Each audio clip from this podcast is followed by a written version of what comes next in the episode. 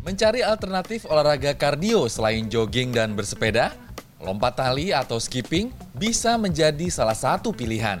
Selain mudah, olahraga ini juga menyenangkan untuk dilakukan.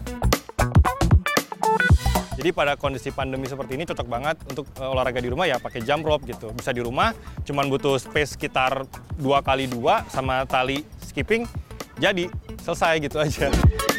Dasar untuk melakukan gerakan lompat tali juga cukup mudah. Untuk pemula, yang harus diperhatikan adalah posisi lengan, pergerakan pergelangan tangan, serta jangan melompat terlalu tinggi. Tapi bila sudah mahir, beragam variasi gerakan dan trik bisa dilakukan. Mulai dari trik dasar seperti running in place,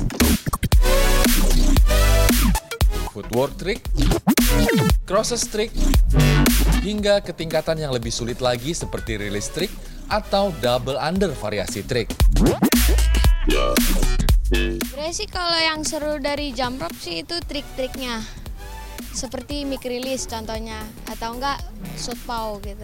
Belajarnya dari mana awalnya? Dari YouTube sih. Ya harus latihan terus aja sih. Basic trick sih gampang. Nanti lama-lama bisa coba yang lebih advance. Ya yang penting latihan aja sering. Ya, pasti bisa.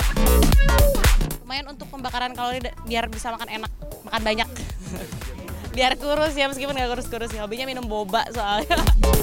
Berdiri sejak awal tahun 2020, anggota yang kerap berlatih di komunitas Jump Rope Indonesia memang beragam. Tua, muda, laki-laki atau perempuan, semua bisa berlatih bersama. Dan salah satu keuntungan berlatih di komunitas adalah bisa langsung saling belajar untuk menguasai satu trik. Iya. Tapi kalau ini beda. Kayak gini tangannya. Iya, langsung. Gini nih, side swing nih, side swing. Coba. Tuh, iya iya? Oh, gitu. Tuh. Hei.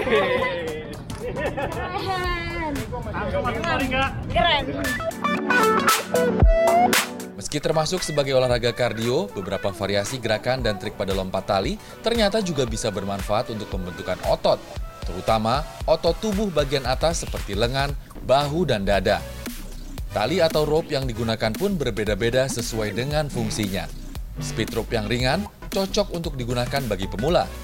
Sementara beaded rope atau tali dengan manik-manik biasanya digunakan untuk melakukan trik-trik freestyle.